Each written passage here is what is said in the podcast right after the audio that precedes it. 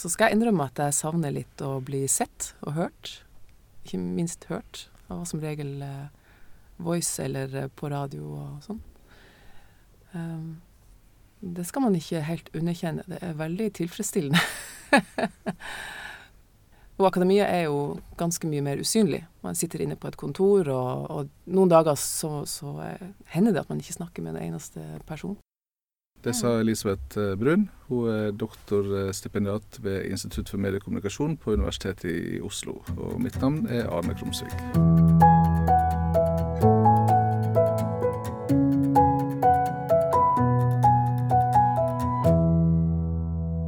Samtidig med at jeg eh, begynte å studere master, så jobba jeg i NRK ved siden av Østlandssendinga. Jeg har jobba i NRK i 13 år, men jeg, tok studiepermisjoner å ta en master. Og så um, oppdaga jeg at uh, jeg så etter hvert muligheten til å, å kombinere uh, praksisen min og, uh, og teori. og skjønte at det var åpning for det også ved universitetet, at man kunne gjøre det. Og dermed så, så fikk jeg ideen til å, å lage en, en TV-serie fra Groruddalen, da. Um, som heter Dalen vår. Og så analyserte jeg jo den eh, produksjon av den TV-serien i etterkant.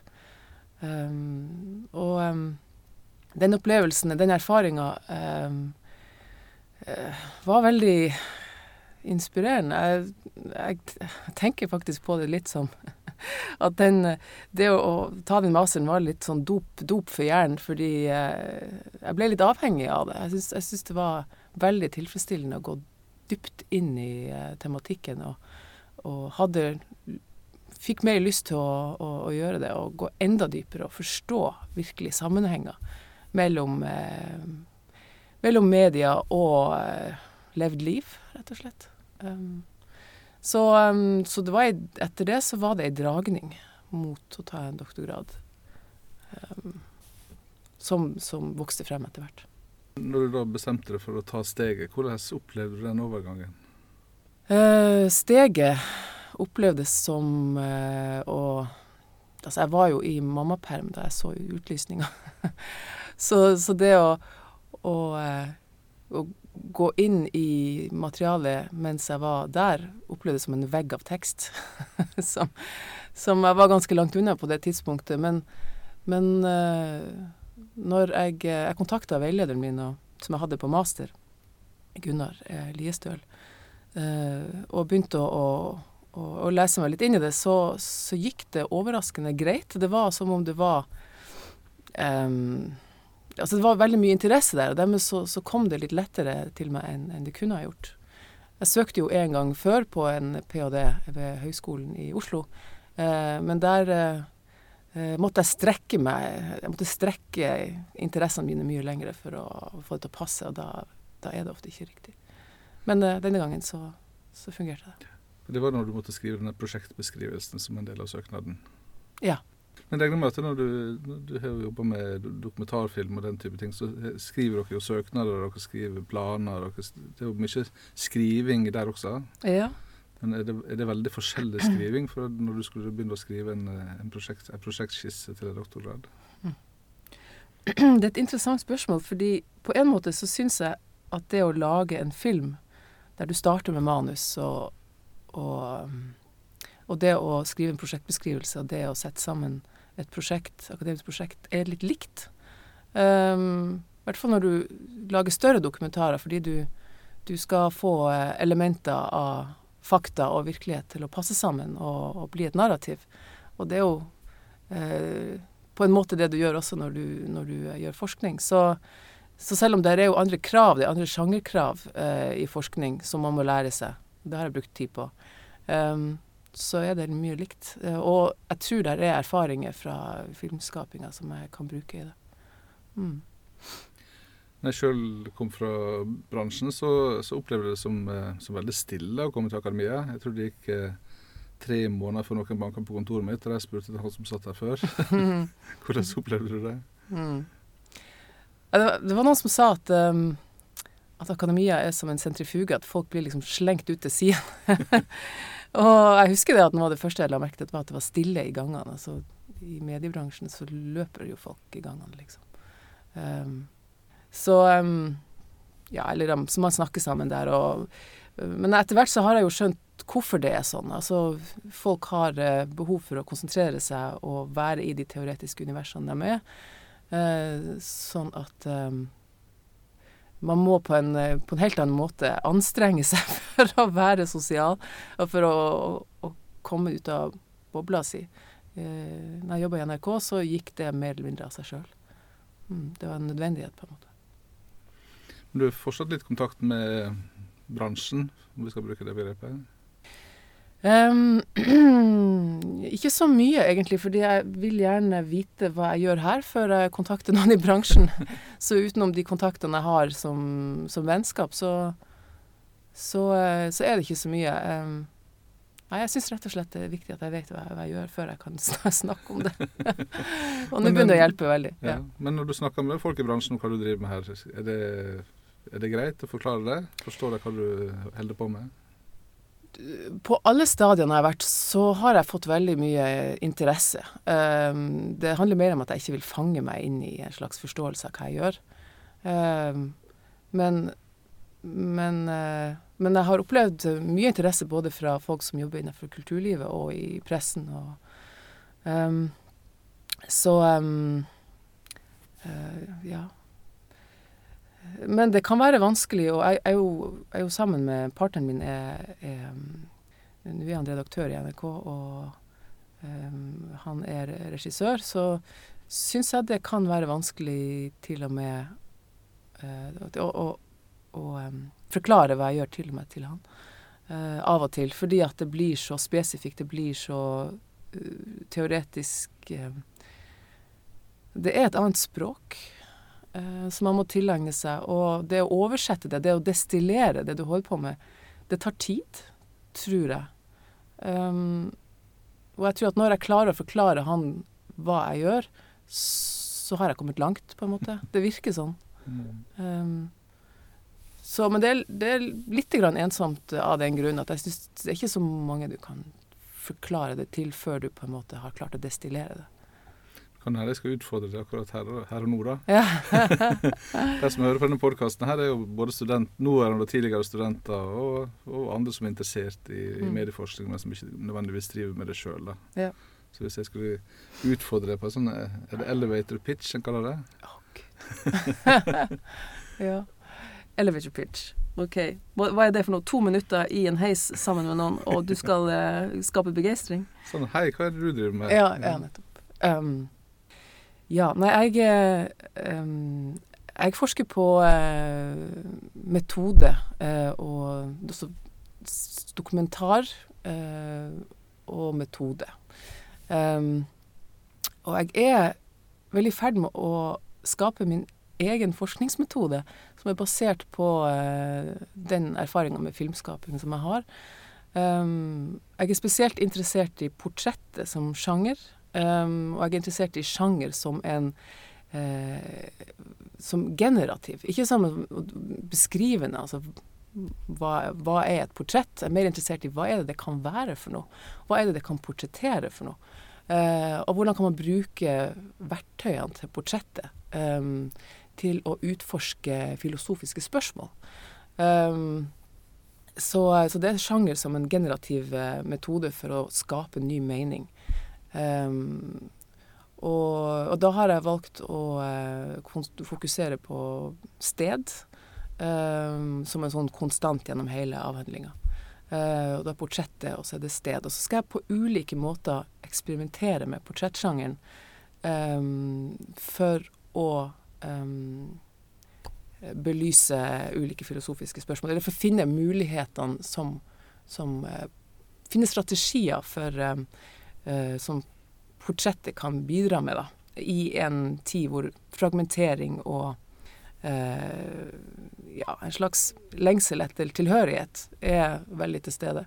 Så, så tilhørighet er også et sånt kjerne... Det er et prisme som er som jeg tenker på det som et slags prisme som jeg tolker ting gjennom. det. Nå ser ikke jeg som hører på at du har igjen øynene når du skal fortelle om dette. her. Mm, mm. Går du litt sånn inn i din egen, uh, egen verden når du skal uh, tenke på dette som du jobber med? Ja, det er såpass jeg opplever det som såpass krevende å forklare disse sammenhengene og, og formulere dem, spesielt på norsk, at eh, det visuelle blir forstyrrende. Må, jeg må liksom lukke øynene for å Konsentrere deg. For å konsentrere meg, rett og mm. slett. Ja. Mm.